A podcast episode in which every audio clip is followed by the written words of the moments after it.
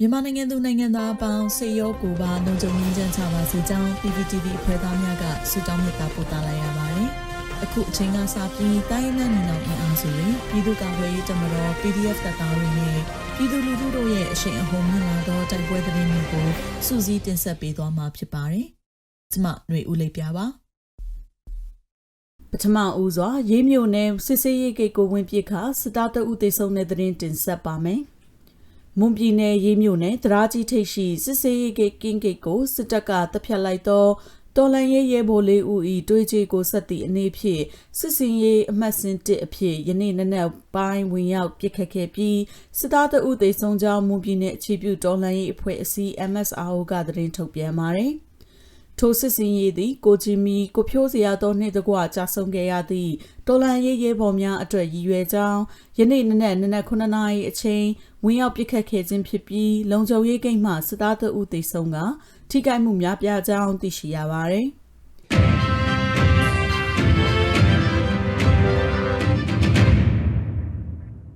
ဆလပီဒီမော့ဆိုဒေါငံခါချေရွာရှိစစ်ကောင်စီတပ်ဖွဲ့ကိုကာကွယ်ရေးတပ်ဖွဲ့များပစ်ခတ်တိုက်ခိုက်ခါစစ်သား3ဦးသေဆုံးပြီးအများအပြားဒဏ်ရာရတဲ့သတင်းဆက်တင်ဆက်ပါမယ်။ကရင်ပြည်နယ်ဒီမော့ဆိုမြို့နယ်ဒေါငံခါချေရွာရှိစစ်ကောင်စီတပ်ဖွဲ့ကိုဒီမော့ဆို local PDF နှင့်မဟာမိတ်တပ်ဖွဲ့များယင်မန်နေ့ဇူလိုင်လ26ရက်မွန်းလွဲပိုင်းတွင်ဝင်ရောက်ပစ်ခတ်တိုက်ခိုက်ရာစစ်သား3ဦးသေဆုံးပြီးအများအပြားဒဏ်ရာရကြောင်း ပြည်သူ့ကာကွယ်ရေးတပ်ဒီမော့ဆိုကသတင်းထုတ်ပြန်ပါတယ်။ဒေါငံခါကြီးရွာရှိအများပြည်သူပိုင်နေအိမ်များတွင်ကျူးကျော်တပ်ဆွဲထားသောအကြမ်းဖက်စစ်တပ်ကိုယမန်နေ့မွန်းလွဲ3:20ခန့်တွင်စတင်ပစ်ခတ်တိုက်ခိုက်ခဲ့ပြီးတိုက်ပွဲသည်တနအီကြောကြာမြင့်ခဲ့ကပြည်သူ့ကာကွယ်ရေးတပ်ဖွဲ့ဝင်2ဦးဒဏ်ရာရကြောင်းသိရှိရပါသည်။ စစ်ကောင်စီတပ်ဖွဲ့ကို DMO Local PDF အလဲပိုင်းတိုင်းလက်အောက်ရှိ1102တရင်နှင့်1106တရင်မှရဲဘော်များကပူးပေါင်းတိုက်ခိုက်ခဲ့ခြင်းဖြစ်ပါတယ်။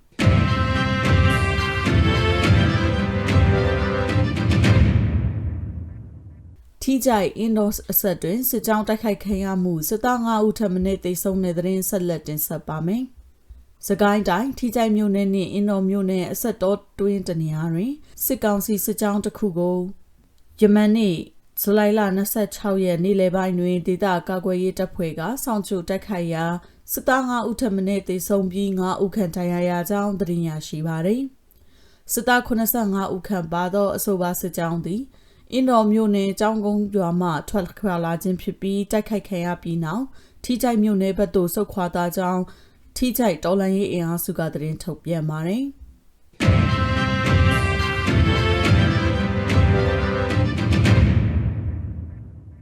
နောက်ဆုံးအနေနဲ့အမျိုးသားညီညွတ်ရေးအစိုးရပြည်ထရေးနဲ့လူဝင်မှုကြီးကြပ်ရေးဝန်ကြီးဌာနက2022ခုဇူလိုင်လ29ရက်ရက်စွဲနဲ့ထုတ်ပြန်တဲ့ပြည်သူ့ခုခံတော်လှန်စစ်တရင်ချက်လက်တွေကိုတင်ဆက်ပေးသွားမှာပါ။အာနာသိန်းအကြံဖက်စစ်အုပ်စု၏ပြည်သူလူထုအပေါ်အကြံဖက်ဖိနှိပ်ဖန်ဆီးတိုက်ခိုက်တပ်ဖြတ်နေမှုများကို ပြည်သူလူထုတရက်လုံးကအသက်ရှင်သန်ရေးအတွက်မိမိကိုယ်ကိုမိမိခုခံကာကွယ်ပိုင်ခွင့်အရာပြည်သူ့ခန့်စစ် People Defensive War ကိုဆင်နွှဲလျက်ရှိပါတယ်။တရင်ချက်လက်များအရ26ရက်9လ2022တနင်္လာနေ့တွင်